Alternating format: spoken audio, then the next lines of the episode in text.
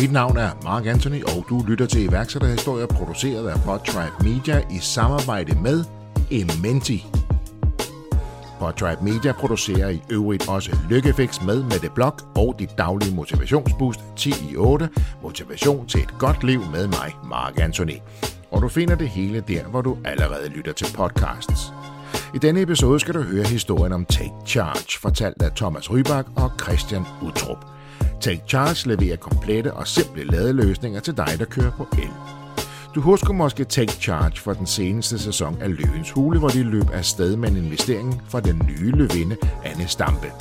Vi går med i studiet og taler om, hvad der skete, og om, hvordan de to fagners reagerede, da de havde fået serveret et nej for de resterende løver. Løverne havde dog én ting til fælles. De var meget imponeret over, hvor stor en omsætning Take Charge allerede havde bygget op, uden at være fuldtid på projektet. Og hele den rejse fra lange arbejdsdage til det gik all in på virksomheden taler vi om, for de er begge enige om, at det var en ret stor beslutning.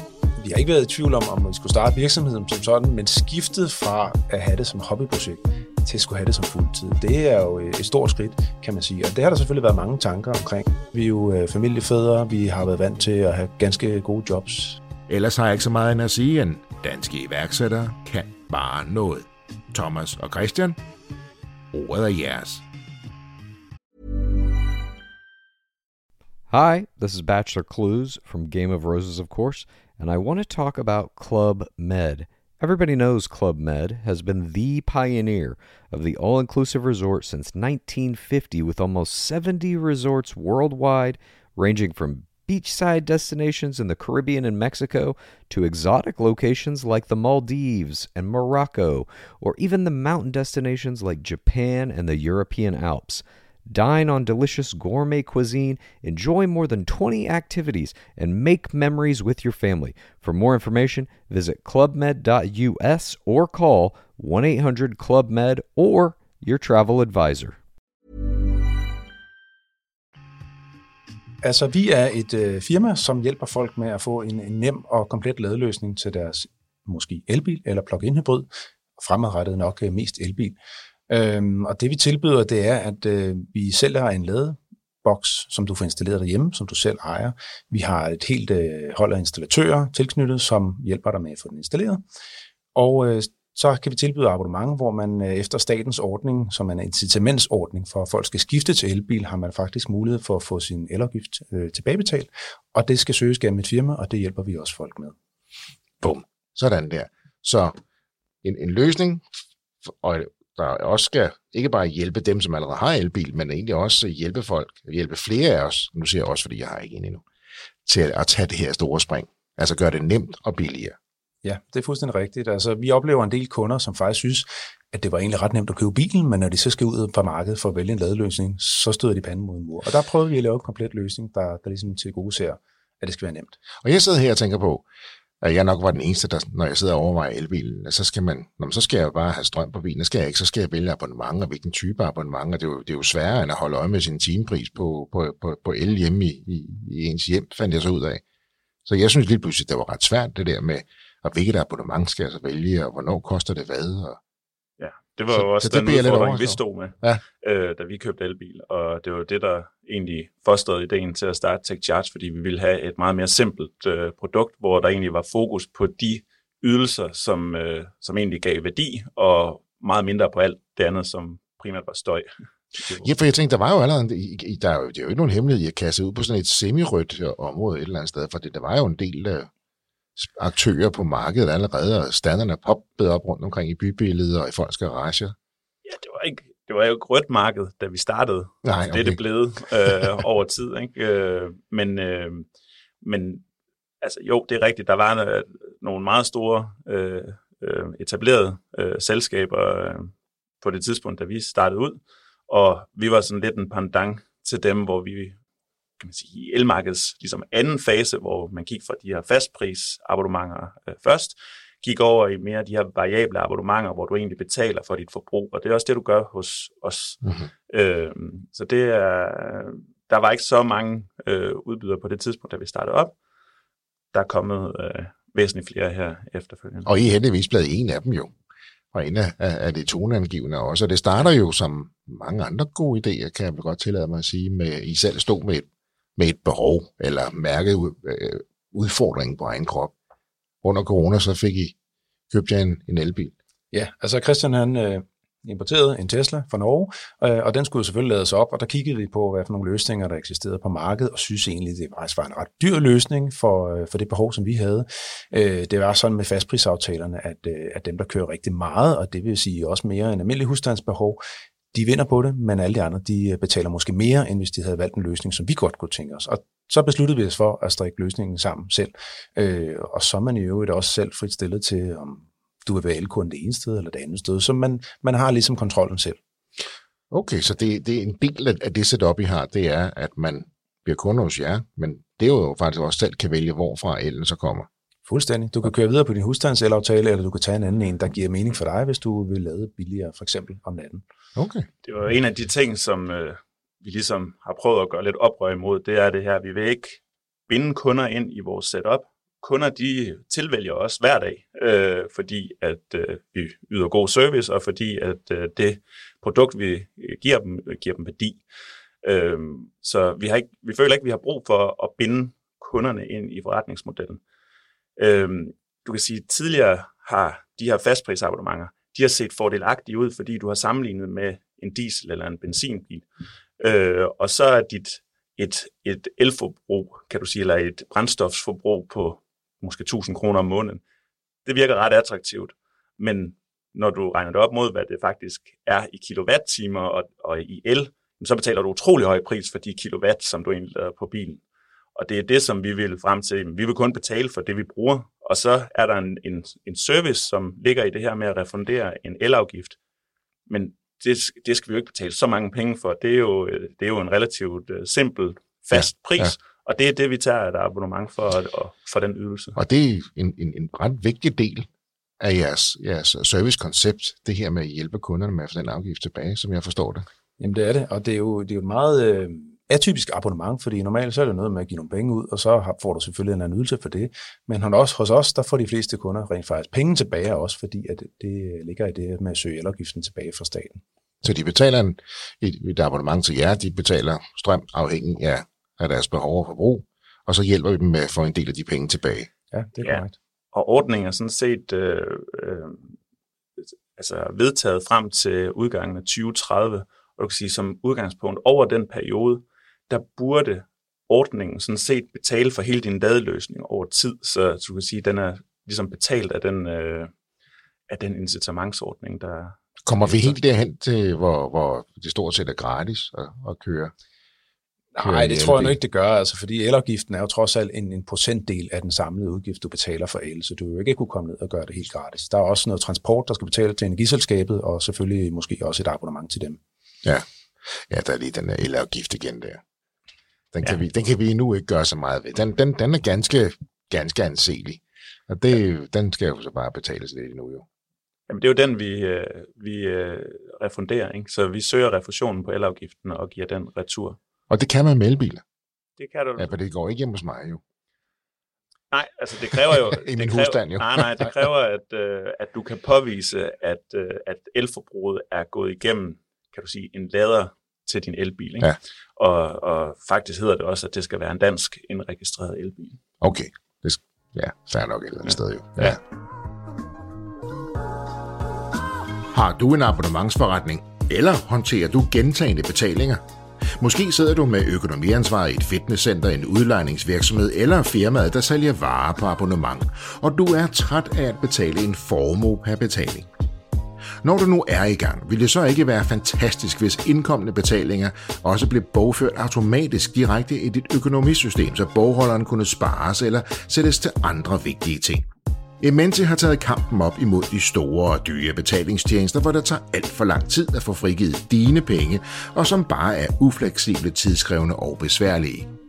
Ementi er den nye spiller på markedet for gentagende betalinger, og her får du en toptunet platform med blandt andet automatisk udsendelse af fakturer i eget navn, bogfører automatisk i dit økonomisystem, meget billigere per betaling, automatisk rykkerprocedurer og indbygget inkassoservice, og så kan du lade dine kunder betale med deres foretrukne betalingsmiddel, kort, MobilePay osv.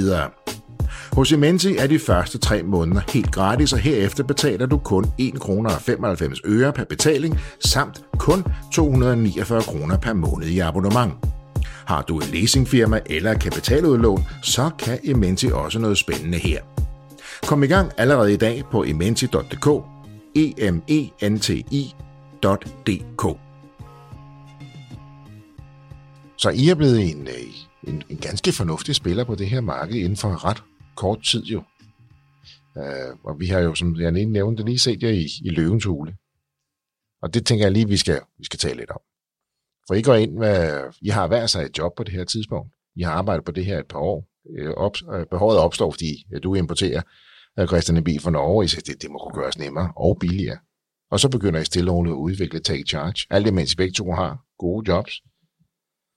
Hvordan ender I op i løvens hule?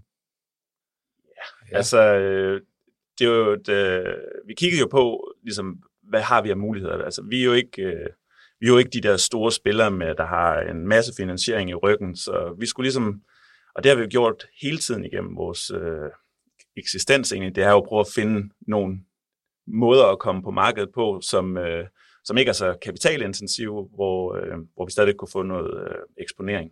Og der, der var løvens hule så en vej at, at gå, og vi har, både Thomas og jeg er natur øh, private personer, og havde ikke, egentlig ikke så meget lyst til at skulle stille os øh, frem og, og på den måde sådan fortælle om vores forretning. Øh. Men, øh, men altså, i sidste ende så kom vi sådan frem til, altså, hvad alternativet det er, at øh, så står en af vores konkurrenter der måske, øh, hvordan ja. vi vil have det med det. Øh, og så tænker vi, ej, det, nu sender vi i hvert fald ansøgningen afsted, og så ser vi om, øh, om øh, så tager vi den derfra, så kan vi tage beslutningen senere. Mm, og når I finder ud af, at I kommer med, det gør I jo så. Ja, det gør vi, og det, det havde vi også en tro på. Øh, men, øh... I går så ned ad trappen, efter at have været gået op ad den trappe, vi andre ikke kan se, og stiller jer på krydset. Hvad går igennem jeres, uh, jeres hoved, jeres krop der?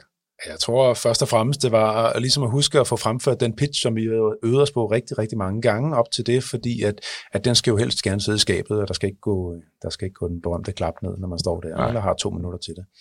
Øh, så det var primært det, altså at der var, at der var tv-crew og kamera ude i mørket derude, det forsvandt ret hurtigt fra ens bevidsthed, og så handlede det kun om, om det, der foregik på scenen.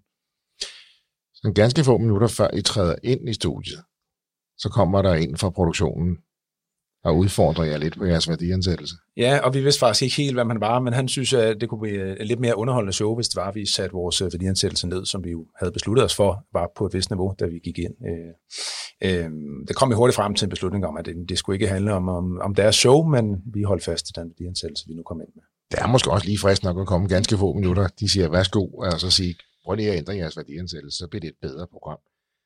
Ja, det var ikke det, han sagde. Han sagde, ah, okay, at, det var min fortolkning, så ja, undskyld. Altså, han sagde, at, øh, han sagde, at der var bare øh, kan du sige, dårlig erfaring med, at, altså, at øh, virksomhederne fik ikke en, nødvendigvis en, en, øh, en investering med, når det var, at de spurgte efter så store beløb, fordi altså, der er jo, det er jo også meget forskelligt for investorerne, ja. altså hvor pengene kommer fra, og hvor mange penge det er for en investor. Ja, altså, det er jo mange okay. penge at placere i en enkelt investering. Ikke?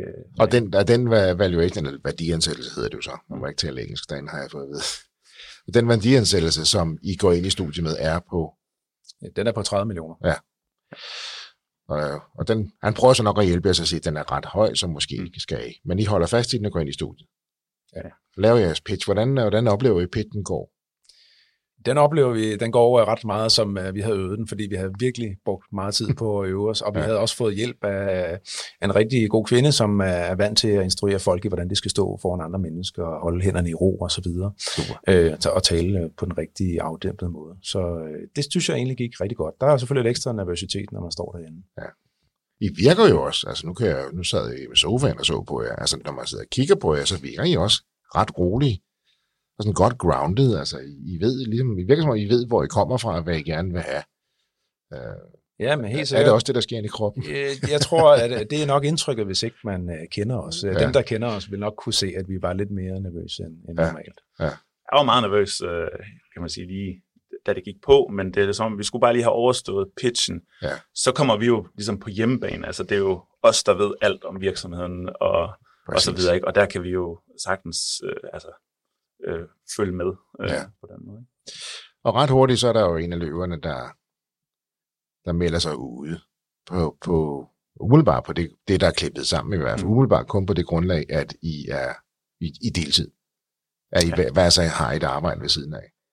Altså Jesper siger, at han investerer ikke i deltid, eller noget af den stil, ikke? Og Jo, så det er trækker han rigtigt. Det er rigtigt. Jeg tror, til at starte med, så bliver de jo egentlig ret imponeret over, da de finder ud af, at vi faktisk ikke har nogen ansatte ja. i, i selskabet. Ikke at vi har genereret den her omsætning. Øh, kan du sige, nu kaldte de det et hobbyprojekt. Ikke? Øh, vi har jo sådan set øh, arbejdet temmelig mange timer på det, men, øh, og det er ikke kommet af sig selv. Øh, men, men det er rigtigt nok, at øh, vi arbejder ikke fuldtid. Og det var, Nej, jeg vil så sige, altså, det er da også hobbyprojekt eller ej. Altså, på så kort tid har nået den omsætning, I havde. Lad os bare kalde det på et hobbyprojekt. Det i sig selv er da også ganske imponerende, synes jeg da. Altså, jeg har jo, jeg har jo en fornuftig omsætning allerede, når jeg går i studiet på øh, at gøre det på deltid. Ikke? Jo, Men- men, det er rigtigt. Altså, jeg tror, øh, det kan godt være, at det sådan rent ansættelsesmæssigt var øh, et deltidsprojekt, men, men det var det ikke tidsmæssigt. Vi har Nej. lagt rigtig mange timer det her.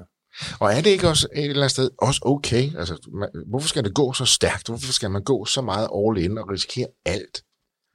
Øh, nogle gange. Det, det, synes jeg nogle gange, at det bliver den, det, det narrativ, vi hører. Altså, hvis du ikke går all in og risikerer alt det hele dit liv, så, så er det ikke en god idé, eller så er du ikke rigtig iværksætter. Du sætter det lidt på spidsen. Man må vel også godt være fornuftig og sige, at så tager det måske en smule længere tid. vi er jo begge to øh, øh, familiefædre og øh, med store familier, øh, og det, det er jo også en familiebeslutning. Ja. Så du kan sige, at hvis vi vil øh, gå ind og sige, at vi arbejder for stort set ingen penge, det kræver sådan set, at alle i familien synes, det er en rigtig god idé, at øh, vi skal lægge vores liv om til noget helt andet, end det er i dag. Ikke? Så derfor besluttede vi, at øh, når det er, at vi har de rigtige ligesom, aftaler på plads, og vi har et konstant flow af business, så kan vi gå all in på det og, og, og gå fuld tid på det. Ikke? Ja. Øh, så, og og vi, vi kom bare i en periode, hvor der var rigtig meget, øh, jeg ved ikke, om jeg skal sige disruption, men der var i hvert fald mange øh, nye øh, tiltag på markedet. Ikke? Øh, Der var på et tidspunkt, så, mist, eller så fjernede de, øh, det blev vedtaget, at elafgiften skulle fjernes. Øh, der har været øh, nu krigen i Ukraine, der, der kom ind med, med stigende elpriser og, og øget inflation osv. Og, og det gjorde bare, at der var en masse usikkerhed, og, og vi ville gerne lige have de her ting på plads, inden at, øh, at vi gav afkald på vores sådan, sikre indkomst. Det, og det giver jo også rigtig god mening i start, også op under corona, kan man sige. Og der, Mm. der hører man jo også mange bilforhandlere sige, det, det blev lidt presset på den korte bane med, med bilsalg, ikke? og der, der går I ud med et nyt koncept, der skal tale til Ja. især ikke bare de eksisterende, men også de kommende uh, elbilejere. Ikke? Så der har der også været sådan lidt op ad bakke. Alligevel lykkes der jer for fod under eget bord og skabe en fornuftig omsætning, inden I går løvens uge. Men han melder, Jens, Jesper Buch melder sig også ud, og det er jo fint nok. Han har den holdning til det. Hvis man ikke er all in, så er han, så er han all out. Det var min omskrivning af det. Men det stopper jo heldigvis ikke der. Nej, det er rigtigt. Øhm, der var et par andre, der røg fra også efterfølgende, og det kan man jo gætte på, hvorfor, men det, det var jo øh, mange penge, vi gik ind og bad om. Ikke? Øhm, Anne, hun havde jo så øh, tilfældigvis lige købt en Tesla og været igennem hele den proces der omkring at skulle ud og lede efter en ladeoperatør, var så faldet. Desværre ikke med os, men med en anden. Øh, men kendte jo alt til øh, processen omkring det der, og synes, at, at det vi ligesom kunne gå ind og tilbyde, det var, at vi ville gerne prøve at forenkle den her proces for kunden, og det, det faldt hun for, kan man sige. Ikke? Og jeg tænker også et eller andet sted, nu, som vi også talte om før, øh, jeg vidste heller ikke, at det var så svært, eller kunne være så besværligt, når man har købt en elbil. Altså at, at få alt det andet på plads, det tror jeg sådan lidt naivt, det, det kom bare med. Men det var også godt, hun sidder med den der oplevelse i kroppen, kan man sige, for det, hun har jo lige præcis mærket det, I adresserer på egen krop. Ikke? Ja, hun ved præcis, hvad det er, vi taler Ja, om på ja. den front. Og hun er jo ret hurtigt, ret positiv. Det melder hun jo også ret hurtigt ud. Ikke?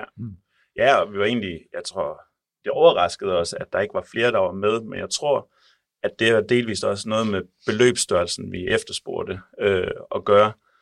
Og at det var også helt bevidst, kan man sige. Vi havde sat et, øh, et højt beløb, fordi hvis vi skulle have en investor med, vi, vi var sådan set ikke, vi, vi tog ikke derind for at få pengene øh, udelukkende. Altså vi fik, øh, vi vil gerne have nogle kompetencer med ombord i forhold til at opbygge øh, en organisation og skalere virksomheden, og og specielt inden for øh, marketing.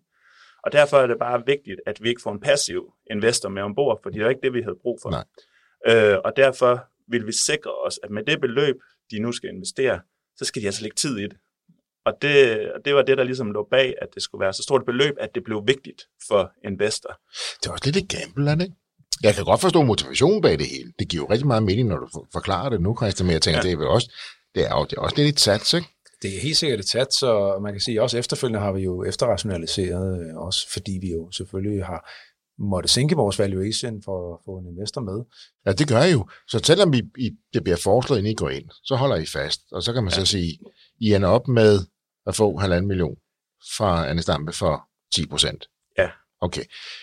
Og så kan man jo spekulere i, hvis I har sat ned allerede inden I går, var gået ind, havde I så været nødt til at sætte den yderligere ned. Men- øh, for men en hvis vi- rullekamera, ikke? Jo, så en ting er at sætte valuation ned. Jeg tror sådan set ikke, det var det, han efterspurgte. Det var beløbet, han ville have ned. Ja, fordi okay. at det blev for stort et beløb øh, til, at der var at, at folk de virkelig ville springe på, eller investorerne ville springe på. Ikke? Ja. Øh, men, men den del holdt vi fast i. Så ville vi hellere gå lidt på kompromis med procentdelen, men det skulle, der skulle ligesom være den her entry barrier, som gør, at, øh, at investor vil, vil investere tid i det også. Men de her, I, uh, I lukker en af de største investeringer i, i Løvens Hules uh, historie jo. Um, og den største Anne, hvis nok har foretaget. Ja. I, I den tid, Det- hun har været med, jeg, ikke? Ja. Så det går jo meget godt. Ja, og jeg tror også, øh, altså, inden vi gik ind, var Nordic Female Founders måske ikke øh, dem, som vi havde set som det oplagte øh, partner for os, øh, fordi, øh, kan du sige, vi er to øh, mænd, og de har et primært fokus på at hjælpe kvindelige iværksættere. Øh, og, og vores kan du sige, for forretningsområde ligger måske også lidt langt væk fra det, de ellers investerer i. Men jeg tror efterfølgende, at øh, er vi kommet frem til, at det er et virkelig godt match, Ja. fordi øh, det giver for det første at få noget helt udefrakommende ind i bestyrelse og så videre. Det, det giver et helt andet perspektiv øh, og dynamik i, i bestyrelsen også. Øh, men, det, men de har også øh, altså de har god forståelse på, på både på, øh, på online salg Ja. ja. ikke, og på, på, specielt på markedsføring, har et godt netværk. Og så har de lagt rigtig mange ressourcer i, som er det, der er vigtigt for os. Og det, jeg kan sagtens følge dig, det her. Nu hedder det også Nordic Female Founders, kan man sige. Og det er et specielt fokus, de har, for, og det er, det, det er forbindeligt, og det er vigtigt, øh, det de gør.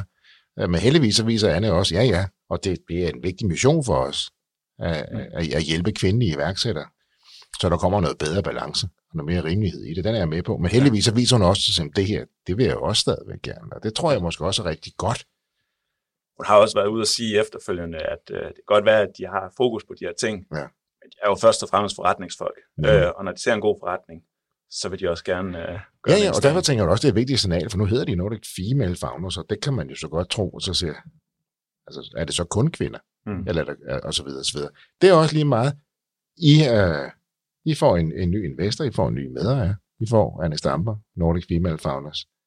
Hun er ret begejstret ret hurtigt. Tom, han melder sig ud, så han er jo meget fokuseret på det grønne, der han, har, han udfordrer lidt på tallene og øh, i forhold til den, den vækst, I har, I har projiceret og trækker sig så. Men det gør vel heller ikke noget? Nej, altså det, det gør det bestemt ikke. Altså vi vidste jo øh, godt, at der nok var nogen, der ville trække sig af forskellige årsager, og øh, det har vi det også helt fint med. Vi har fået vores øh, investor med ombord. Hvordan er det så gået? Fordi så går I jo, så forlader I jo studiet, så, så går I igennem de her døre, øh, og nu ved jeg ikke, hvor mange I skulle tage det om, eller om I skulle tage det om. Ja, altså man kommer ud i sådan en lille, der viser det, når man kommer ud af døren, hvilket jo så er et helt andet sted. Ja. Øh, Men øh, så bliver man interviewet og spurgt om, hvordan det gik, og jeg, ærligt talt, så kan jeg ikke rigtig huske, hvad det var, vi sagde. Det har så heller ikke været med i udsendelsen, så det har nok ikke været særlig øh, gløgtigt. Vi, vi sætter dem bare hjem. Ja. Præcis.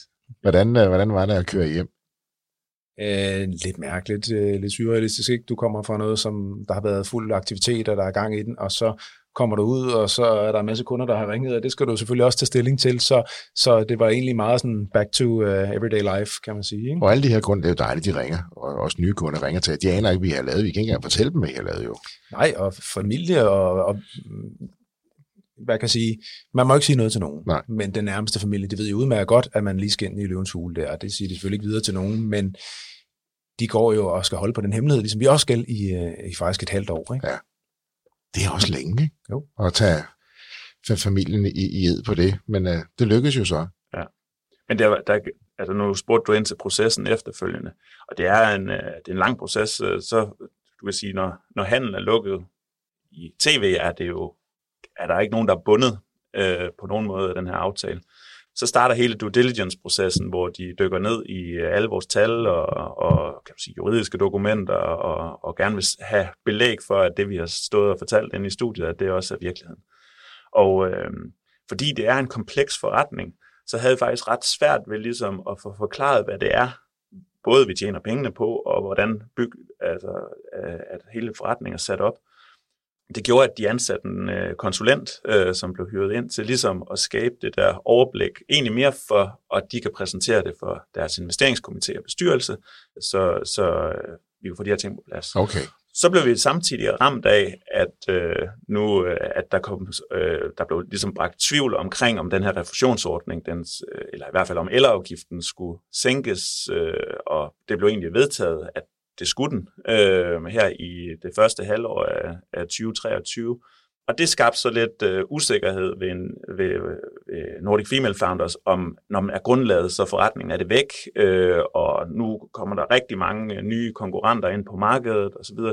Øh, er det her det, som vi troede, det ville være? Ikke? Skal det forstås på den måde, at, at, at når, når de sænker afgiften, så er der ikke lige så stor refusion, og så bliver det måske mindre attraktivt for kunderne?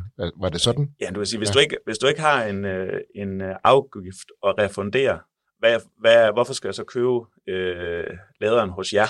Øh, ja. og, og den service, som vi jo yder ved at kunne søge den her refusion på afgiften, øh, er, det, er forretningen kun bygget op på det, eller er der andre ting? Ikke? Øh, og det var det, det tvivlsspørgsmål, de stod ved, og, og følte egentlig, at, der var, at risikoen ved investeringen var voldsomt forøget. Det er vel også et meget godt spørgsmål at forholde sig til, fordi det er en bærende del af jeres forretning, ja, men, men andre kan jo bare begynde at gøre det samme. Så det er vel også et meget godt spørgsmål at sige, at hvis den helt bortfalder, hvorfor men, så vælge ja? Ja, præcis. Og det, og, det, og det var jo også den tvivl, de stod med.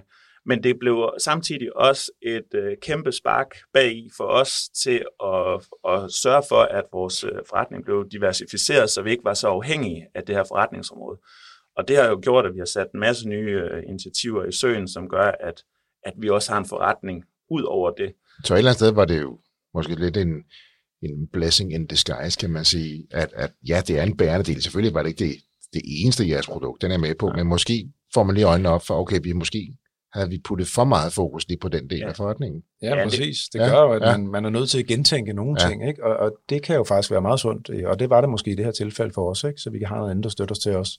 Så nu kan I stadigvæk hjælpe folk med den del, men samtidig har I så udviklet jeres forretning og jer- jeres koncept, gjort det lidt bredere. Ja, altså vi øh, har nogle forskellige partnerskabsaftaler, som øh, vi Ja. har arbejdet på i lang tid, øh, som er kommet på plads nu, øh, blandt andet med Danske Xpeng, som vi også skal levere ladeløsninger til, øh, når folk de, øh, de tilvælger det, og de står og skal købe en ny bil. Øh, og lige øh, side med løbende med det, så har vi nogle andre aftaler, som vi også arbejder på, som bliver præsenteret i den nærmeste fremtid. Ja, for I lander et par store, som du siger, Xpeng for det første, ikke? Øh, så stille og roligt for I fat. Hvad er det, der gør, I får lavet de her aftaler? Jamen det er for det første, at, at vi øh, ligesom går ud og, og sætter initiativet i søen og tager kontakten, men også at vi kan tilbyde nogle forskellige ting i kraft af, at, at jeg laver noget programmering, som også har gjort, at vi kunne drive hele den her forretning, mens vi havde fuldtidsjobs, øh, en masse automatisering, som gør, at vores forretning den er skalerbar. Så nu her også efter løvens hule, der har vi også overvejet, skal vi have noget hjælp ind for at tage trykket, øh, tage imod alle de opkald og tage imod alle de nye kunder, der uden tvivl vil komme ind, Ja. ja. og som også er gjort. Øh, men vi har egentlig klaret det, bare os to, fordi at, at vi har alt det her automatisering på plads, og når en øh, samarbejdspartner efterspørger en specifik løsning, jamen så går vi ud og laver det til dem. Det synes jeg også er ret interessant, netop det der. Nu sagde vi, at en af løverne faldt fra, fordi øh, I ikke var fuldtid, men det, I havde valgt at gøre, det var jo at investere i noget, i jeres egen infrastruktur. Altså simpelthen at, udvikle et setup og nogle systemer, der næsten udgjorde det for. Jamen, det er for en fuldstændig fuldtidsmedarbejder, ikke? Altså især i forhold til refusionsordningen, der er rigtig meget beregningsarbejde i det. Elafgiften, den ændrer sig nogle gange kvartalsvis. Der skal laves fakturer, laderne skal læses af, det vil sige, at nogle af laderne er forbundet til nettet. Så det vil sige, at vi kan gå ind og lave en fjernaflæsning af folks forbrug, og på baggrund af det søger vi elafgiften. Alt det har vi automatiseret i en samlet proces, så vi er ikke afhængige af at skulle gå ud til et andet firma og købe den ydelse. Og dermed både I kan klare det selv, og I slipper for udgiften. Og det er dig, Thomas, der har siddet og udviklet Ja, det Det er program. rigtigt. Ja. Øhm, jeg har for mange år tilbage øh, som ren interesseprojekt øh, lært mig selv at programmere ved øh, ikke, at, øh, ikke at gå på skole, men at sidde på, øh, på nettet og på YouTube og hvad der nu ellers fandtes dengang og, og ligesom prøve sig Så frem. du ikke? er autodidakt programmør, kan man sige, og nu har du udviklet hele det her backbone. Det er også, det er Men- stærkt. Men det er, det, der har, det er jo det, der har gjort, at vi har kunne lukke de her store aftaler, fordi vi har kunne gå ud til, til de her spillere og så sige, hvad er det, I har brug for? Hvad er det, I gerne vil give jeres kunder? Så bygger vi det til jer. Og så kan vi bygge de funktionaliteter ind, som der bliver efterspurgt, i stedet for at komme med et stort system og så sige, her er systemet, tilpas jer til det her system. Ikke? Og nu kunne jeg godt stille spørgsmålet, hvorfor gør de andre ikke det? Men lad os vende den rundt og så sige, hvorfor er det, I gør det? Hvorfor er det, I vælger at fokusere på lidt af de her ting, som I lige beskriver? Men det er jo det her, som vi sagde i starten med, at vi har ikke det store budget til at gå ud og, og køre hårdt på marketing og så videre. Altså vi har været nødt til at skulle finde ligesom nogle segmenter, hvor vi kan gøre os gældende. Men samtidig så er det også det, der gør, at I skiller jer ud. Det er også det, kunderne vælger jer til på. Det vil sige, faktisk, havde I haft et stort budget, havde I så også set de her muligheder. Formentlig ikke. Altså, hmm.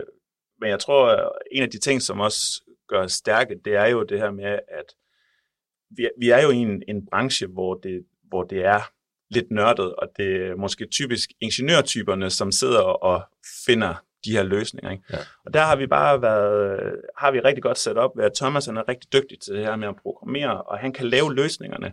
Og så har vi, kan man sige, min styrke er, at jeg kommer med forretningsbaggrund, så jeg har både noget netværk, vi har kunne trække på, men også kunne, kunne få hele forretningselementet ind i det her og tænke mere strategisk øh, ind i.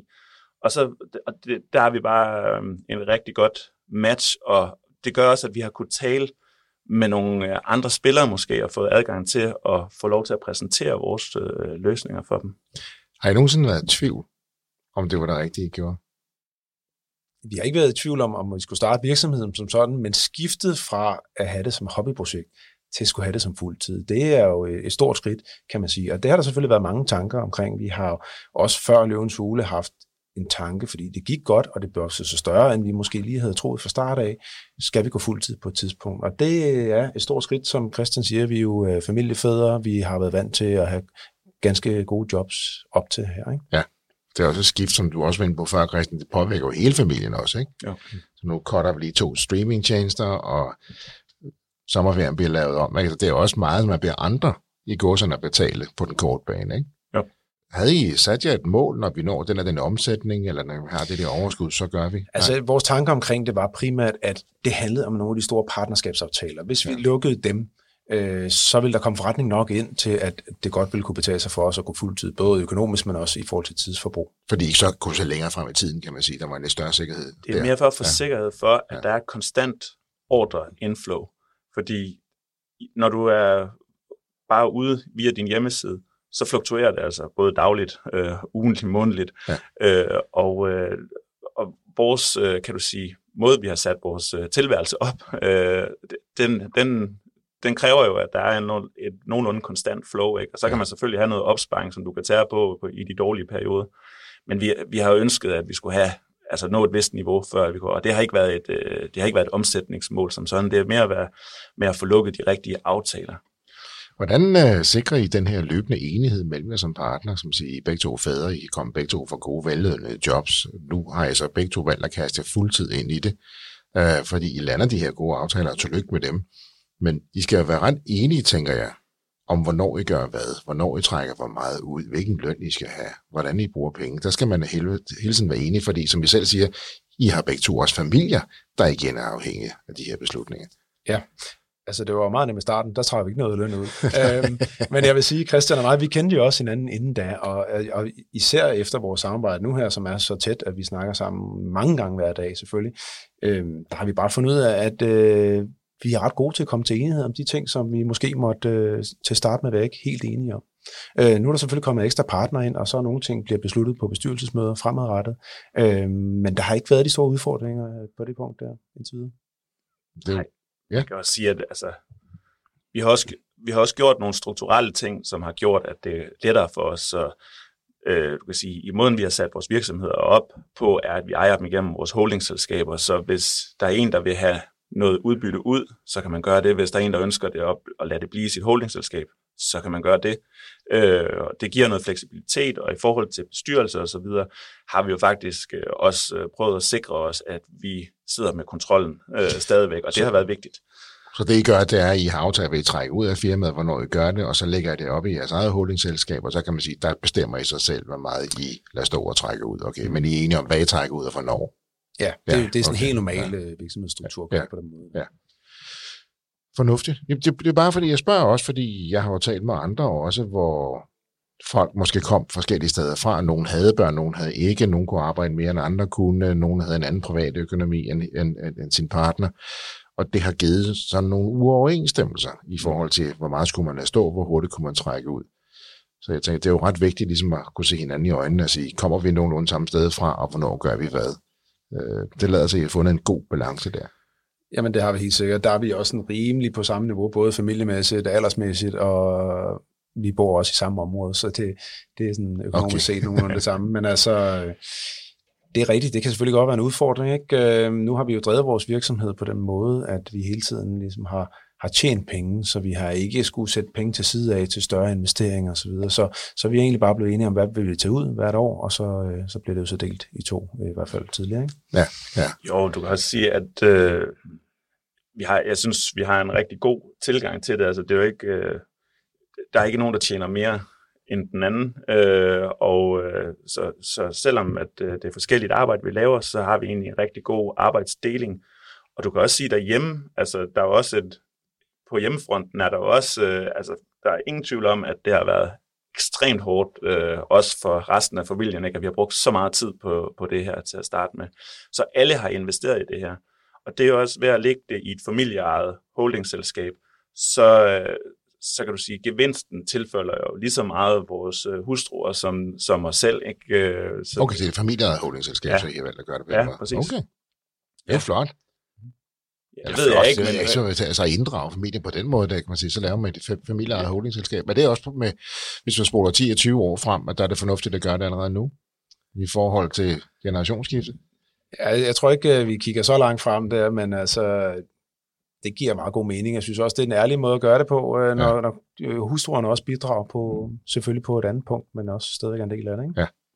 Jo, men altså, jeg synes også, det er en rejse, vi tager sammen, altså som familie, og det, det kan godt være, at, øh, at vi så ikke løfter nær det samme øh, derhjemme, ikke? og specielt med, med børnene og så videre.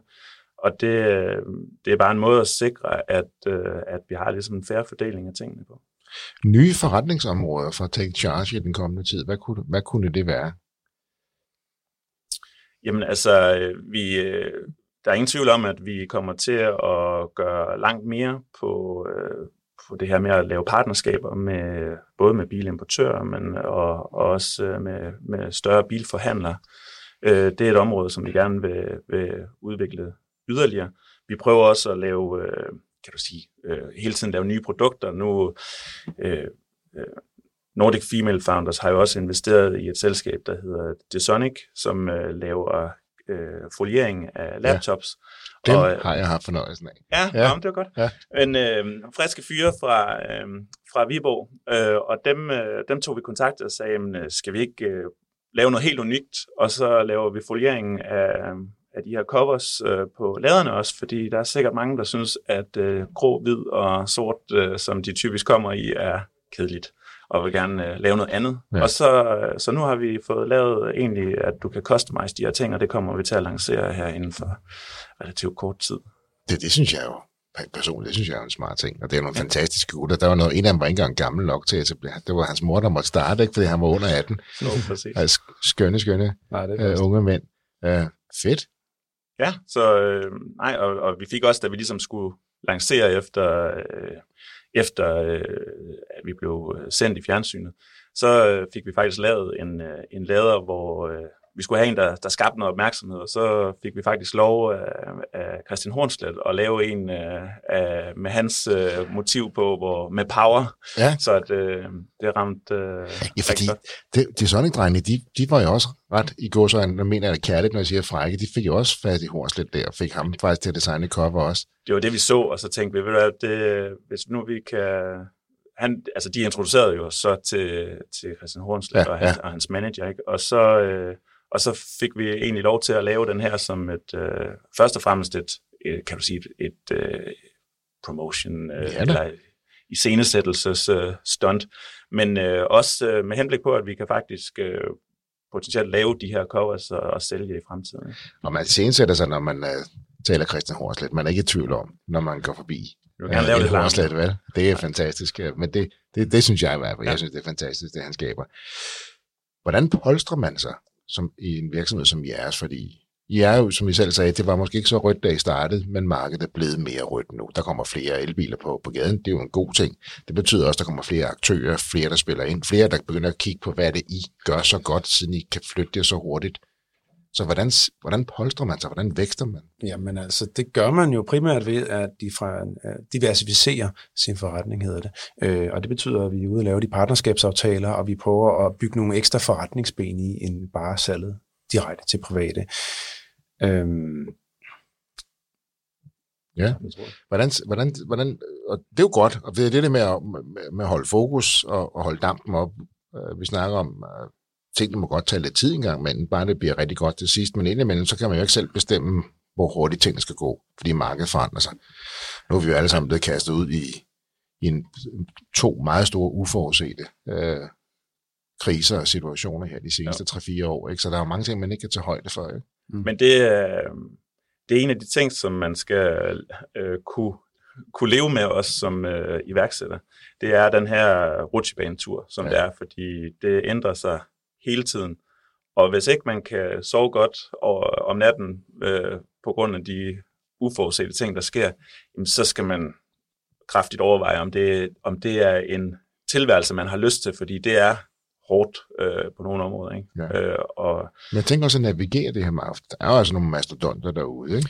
Jo, og det ene af de, de grunde til at vi også prøver at diversificere os og, og komme bredere ud, det er jo det der med at gå med i løvens hule. Ja. Det er at få opbygget vores brand som et navn, så når folk de kigger på alle de forskellige udbydere, der nu findes, så tænker jeg, gud, check Charles, dem har jeg set, Ja. de er interessante, der var noget tillid og, og så videre der. Øh, Men derudover så gælder det om hele tiden at udvikle sig, både produktmæssigt, men også hvad man kan tilbyde kunderne. Altså, der er masser af eksempler med meget store firmaer endda øh, gennem historien, som jo er helt forsvundet. Altså, en Ja. gang havde vi alle sammen Nokia-telefoner. Hvor er de henne nu, ikke? Ja. Øh, og gælder om at følge med tiderne. og hvor Kodak Film har lavet, har lavet øh, video i, i Blockbuster, ikke? Og alt det her. Ja. præcis. Jo, men jeg tror også, at, at øh, vi, har, vi har jo valgt en anden tilgang til markedet end, end mange af de store, ikke? Og, øh, og vi har et øh, meget stort kundefokus og gør også meget ud af at give, kan du sige, uvildig øh, vejledning. Så det er jo ikke, altså, vi prøver ikke at proppe vores produkter ned i halsen på kunderne. Vi gør også meget klart opmærksom på, at vores produkter er interessante for de øh, elbilister, som har mulighed for at få sat en lader op derhjemme. Dem, som ikke har det, der er vores produkt ikke det rigtige. Øh, så har vi også gjort os nogle tanker omkring, at vi har prøvet at bygge et produktsortiment op, hvor vi har forskellige produkter til forskellige behov. Øh, og ved at have det, så kan du også bedre give en, en, kan du sige, en uvildig vejledning, fordi jeg synes, det er lidt sjovt, når man ser, at øh, nogle af vores konkurrenter, de, øh, de øh, siger, jamen, øh, ring til os, øh, så guider vi dig øh, til det rigtige løsning. Ikke? Mm. Men de har kun et produkt. Gæs, hvor de lander hver gang. Ikke? Altså, det, det er jo ikke uvildig vejledning. Nej. Vi prøver jo også at være meget ærlige og transparente omkring vores øh, produkter. Vi lægger ikke nogen skjulte gebyrer ind, og man er jo frit stillet, som vi snakkede om tidligere, til både at vælge udbyder, men også at vælge elaftale. Øhm, der er nogle konkurrenter, der begynder at komme på markedet nu, også nogle af de meget store spillere, som jo har en masse skjulte udgifter, som bliver lagt oveni, øh, som er intransparente over for slutbrugeren. Det er jo altså. altså Forbrugerne ender jo altid op med regningen i sidste ende, ikke? På ligegyldigt, hvad vi køber ind. Men så, Jo, vi, har, vi har altid haft en filosofi om, at der er rigtig mange ting, du kan skrue på. Det består, produktet består jo af mange elementer, både noget installation, et, en lavet boks, øh, hele det her refusionsabonnement osv. Men vi har egentlig valgt at sige, at vi kigger på den samlede udgift øh, over tid. Øh, det kan så være over en femårig periode. Og der vil vi være konkurrencedygtige. Øh, og det, og det, man kan godt fremstå, vi har det billigste abonnement, vi har den billigste installation, eller vi har den billigste lader. Men vi, vi forsøger ikke at være billige på enkeltpunkter. Vi forsøger at have en konkurrencedygtig løsning på det samlede, og så en løsning, hvor, du, hvor vi hjælper dig med alt. Ja, så det handler ikke om at være billigst her nu. Nej. Det handler om at, at være den bedste løsning Over på for tid. eksempel fem, øh, fem år. Ja, men også, at du ikke er bundet, øh, så du er uafhængig, ikke? At du... Men, men hvad, er, hvad, er, hvad er jeres primære indtægtskilde? Hvad er det, I lever af? For I hjælper jeres kunder med at få flest mulige penge igen, kan man sige, ikke? Og, og finde den billigste løsning, og vi installerer, man kan så få installeret jeres, øh, jeres lader selvfølgelig, men hvad er jeres primære indtjeningskilde? Jamen, det er jo i første omgang salget af lader og installation, og så er det efterfølgende abonnementet. Ja. Øhm, og det er klart, øh, når man er en mindre virksomhed uden så mange abonnementer, så er det den ene del, der fylder mest, men over tid, så kan abonnementsandelen jo selvfølgelig blive en større del af det. Og en del af abonnementet er som sagt, at I hjælper kunderne med at få deres penge tilbage. Ja, du kan sige, det, det er en del af det, men for at kunne øh, yde den service og, og få den her refusion på elafgiften, så, så er det også et krav, at vi som selskab øh, overtager driftsansvaret øh, for laderen. Det vil sige, at hvis der er noget, der går galt på laderen, så er det egentlig vores ansvar at sende en tekniker ud, eller, eller helt at ombytte ladeboksen. Og det, det er jo i bund og grund en forsikring. Så du vil sige, at vi på, på sin vis er vi jo et forsikringsselskab også, og det er faktisk en, en ret stor del af det beløb, vi tager hver måned. Det er jo, det er jo et dyrt stykke elektronik, som, ja, det er det, som vi tænker på. forsikrer over en lang periode. Ja, altså, I skal være ret sikre på, at dem, som I så køber jeres standards og jeres lader hos, de skal jo ville kunne levere høj kvalitet, ikke? Jo, men vi har også gjort meget ud af at, at udvælge de rigtige leverandører, ikke? og de, de produkter, som vi kan stå indenfor. Jamen netop, som du siger, I står inden for det, og I agerer næsten som forsikringsselskab, for selvfølgelig kan I gå videre til jeres leverandør, men der kan jo opstå en situation, hvor Om der, altså, ordningen løber jo ud til slut øh, 2030, og der er altså ikke nogen øh, leverandør, der giver produktansvar i, øh, i 9 år, øh, 8-9 år. Øh, så, så det er en risiko, vi påtager os. Ja. Ikke? Øh, og, og det er jo derfor, vi er nødt til at afdække den risiko, og det er derfor, der er en, et, et element af, af, og faktisk et stort element af forsikringspræmie i det her. det giver jo også en, en, en øget tryghed et eller andet sted. For det, altså, jo, så de her ting i vores hverdag, de skal bare virke, ikke? Jo. Og de Jo, skal bare præcis. køre af sig selv. Altså, når man, man tager en beslutning en gang for alle, så, så de fleste af os, vi, vi, vi, vi magter ikke det hele at tage, tage beslutningen igen.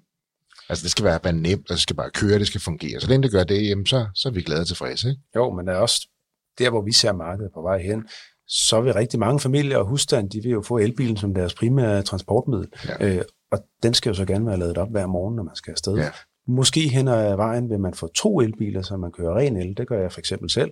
Så er jeg super afhængig af, at min ladeboks den virker derhjemme. Ja, det er jo ret, fordi du triller jo ikke lige hænder for den. Ja, så skal du til at finde en eller anden på gaden, selvfølgelig. Ja, Markedet- så skal du også holde et par timer der, ikke? Ja, der skal du jo netop her.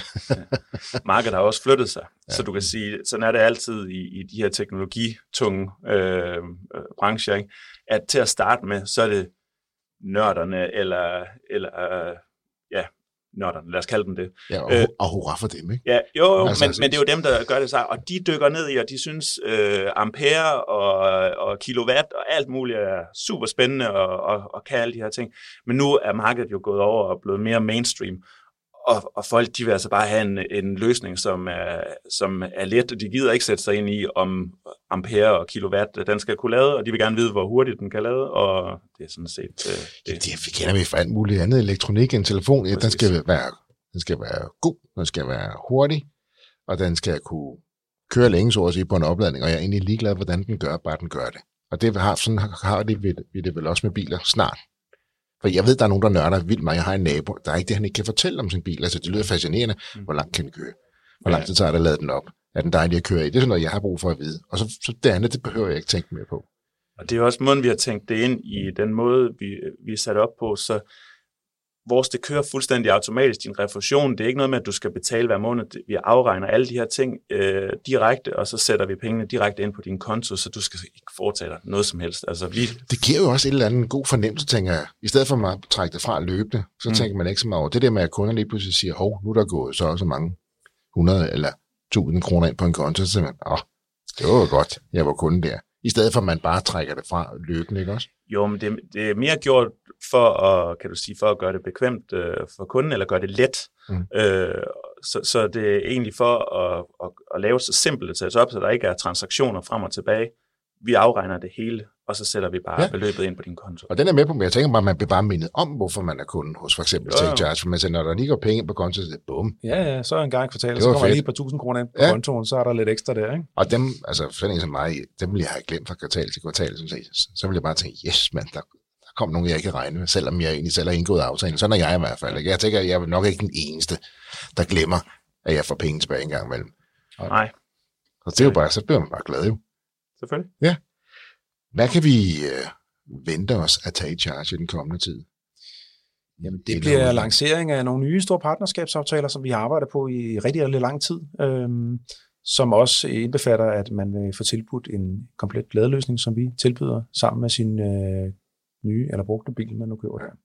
Uh, de der partner der, jeg er meget nysgerrig. Jeg skal nok være med, med at grille for meget på det.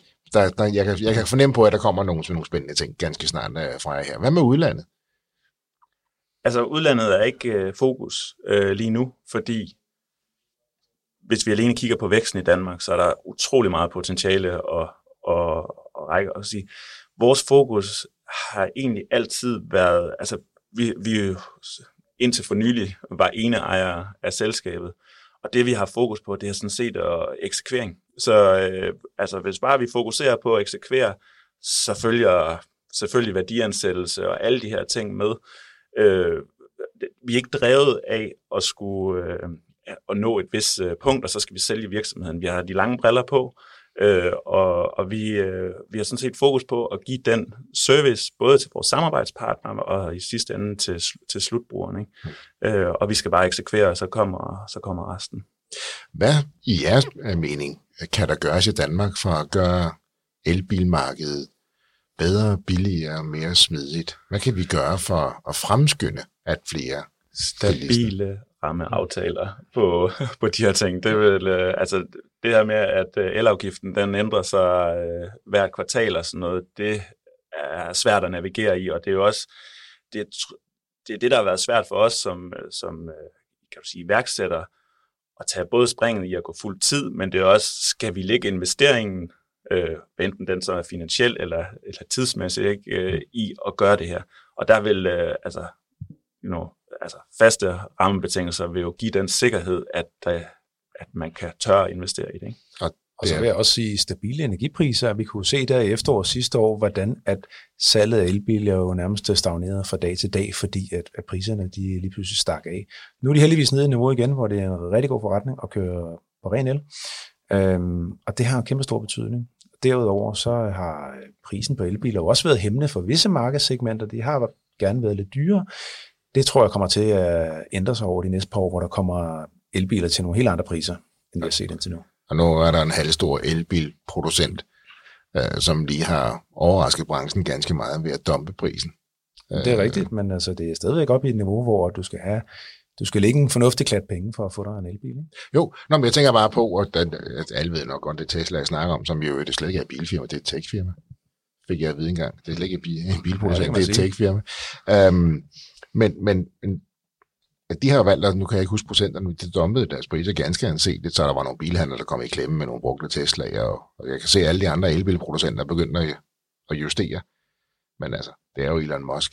Det kommer vel ikke helt bag på en, at han smider sådan en bombe en gang. Men, men positivt set, så kan det vel også hjælpe på netop det, du siger, det at man begynder, måske er det en trend, altså vi skal have dem hurtigere ud til flere mennesker, og de skal være billigere, så nu skal jeg nok lade være med at snakke om bilafgifter i det hele taget i Danmark. Nej, men det er jo rigtigt. Altså, det er jo en, en hjælp, at, øh, at bilerne bliver billigere. Ikke? Altså, det bliver åbnet for flere. Jeg tror... Øh, men går det ikke for langsomt med de elbilafgifter? Jamen, elbilsafgiften er jo sådan set sænket. Øh, så det er, jo ikke, det er jo ikke på bilafgiften, at der er den helt store hemsko. Øh, Men de er jo stadig så dyre på grund af...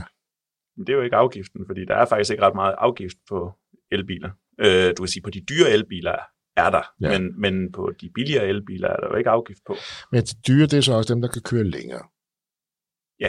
Og mange af os, som gerne vil have en elbil, det der holder os lidt tilbage, det er the range, altså hvor langt kan vi køre? Jamen, det er rigtigt, men altså, det er jo forholdsvis ung teknologi, og, og det er klart, der, kan godt, øh, der er plads til forbedringer inden for batteriteknologi, men det skal nok komme. Og så får man elbiler, hvor man kan køre fra A til B i Danmark, uden at skulle bekymre sig om at, at holde ind undervejs. Og så kunne lade lynhurtigt jo. Ofte så er de, de, øh, de største kan du sige, opponenter mod elbilen, det er dem, der ikke har en selv. Fordi øh, man finder ofte ud af, at den der range der, den er faktisk ikke så vigtig, som, som, øh, som man gør det til. Og det her med øh, at, at kunne lade, det er faktisk mere simpelt. End man, det, det er en, en tilvænning, det er en anden måde at køre bil på, og man, det kræver lidt mere planlægning i din transport. Men derudover er der også mange øh, fordele ved det. Både kan man sige, alle de åbenlyse med, at det, det er den grønnere løsning, men også, at øh, det, er jo, det er jo let, at du kommer ud til en fuldt lavet bil øh, om morgenen, og, øh, og at, ja, at du slipper for at skulle på benzinstationen osv. Ja. Der er også noget med vedligehold over tid, ikke? fordi der er jo mange færre komponenter i en elbil, så der er ingen tvivl om, at uh, vedligeholdelsesomkostninger, det kan jeg i hvert fald sige på min egen, er meget lavere. Det er faktisk en meget god point. Så plug-in hybrid, det er jo, det er jo, det er jo Ja, men, Nu sidder jeg her øh, for åben mikrofon og prøver at få nogle tips, kan jeg godt høre. Nej, jeg skal, I, I behøver ikke kommentere lige på den del der. Men der, er- jeg er med på det der. Det er jo et interessant point, det der med, med, med reservedelene, faktisk, eller det, øh, komponenterne i bilen. Um, elbilen er jo mere simpel end en øh, brændstofsmotor. Ja. Øh, du kan sige, hybridbilen er jo en hybrid, og, og dermed har du, øh, kan du sige, øh, begge dele. Ja. Så der er endnu flere komponenter i. Ja. Og, og det er der, øh, kan du sige, sige, den største hemsko for hybridbilen, det er, at der er bare der, der er mange ting, der skal tale sammen. Ikke? Så det, I siger, det er, gå nu bare all in, Mark, og få den elbil. Det er det, I siger. Jeg, jeg hører, hvad I siger, de her. Ja, det, det, jeg skal også. Altså FDM har jo Jeg lige nok. uh, publiceret en undersøgelse, jeg tror de selv lavede, hvor at man stillede nogle forskellige spørgsmål omkring det der med uh, rækkeviddeangst og nogle andre ting, der kan bekymre folk med elbiler. Og det gjorde de til to grupper, og den ene gruppe var dem, der havde, og den anden gruppe var dem, der ikke havde. Og der var klar overvægt af, hvad kan man sige, negative forventninger til den gruppe, som rent faktisk ikke havde en elbil. Ja. Og det var interessant. Jeg tager den. Jeg skal nok, øh, jeg skal nok åbne op. Ej, jeg vil sgu også gerne have en elbil. Så det er fair nok, det er fair nok. Men jeg håber, at der er andre af vores lytter, der har en lidt ligesom mig, og blevet endnu klogere, som jeg i hvert fald også er nu her. Udvalget er også blevet langt større, Ja. og bliver meget større over Ja. de næste år. Ikke? Så, øh, så der, er- det er jo ikke øh, ligesom i de tidlige år, hvor du havde fem modeller, du kunne vælge imellem. Altså, det, er jo, det er jo imponerende at se i Norge, hvordan de egentlig har formået at omstille al øh, transporten til el med meget, meget få øh, bilmodeller. Ikke? For Ja. at gå fra måske have 300 forskellige modeller at vælge imellem til at have 30. Det var der ikke noget med, at det var inden for ganske få år, hvor Norge det land i Europa med, med flest Tesla'er per, per indbygger. Ikke? Altså, det, det, det, i løbet af to år, så kom de derop, ikke? fordi Jo. de jo Jo, havde meget præcis. fordelagtigt i bilen. Men det er jo så ja, også fordi, de har fået nogle regeringstilskud, som jo ja. har accelereret adoptionen af elbiler. Ikke? Og det begyndte vi lidt på herhjemme, og så hævde de lidt i bremsen på noget af det jo. Ja. Ja, men det er en, det er en helt anden podcast.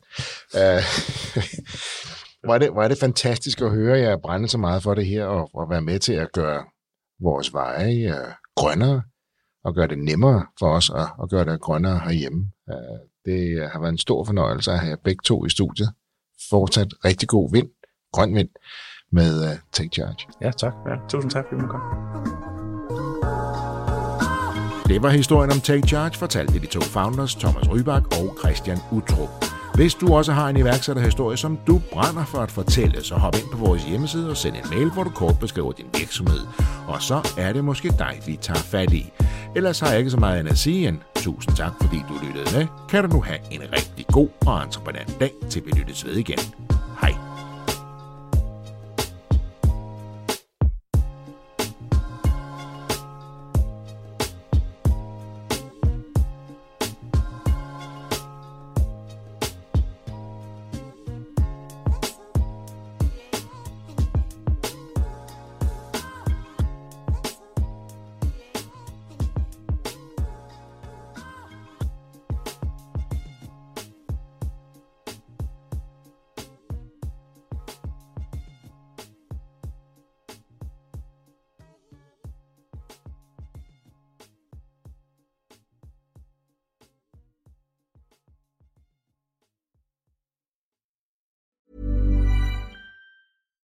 Hi, this is Bachelor Clues from Game of Roses, of course, and I want to talk about Club Med. Everybody knows Club Med has been the pioneer of the all inclusive resort since 1950, with almost 70 resorts worldwide, ranging from beachside destinations in the Caribbean and Mexico to exotic locations like the Maldives and Morocco, or even the mountain destinations like Japan and the European Alps. Dine on delicious gourmet cuisine, enjoy more than 20 activities, and make memories with your family. For more information, visit clubmed.us or call 1 800 Club Med or your travel advisor.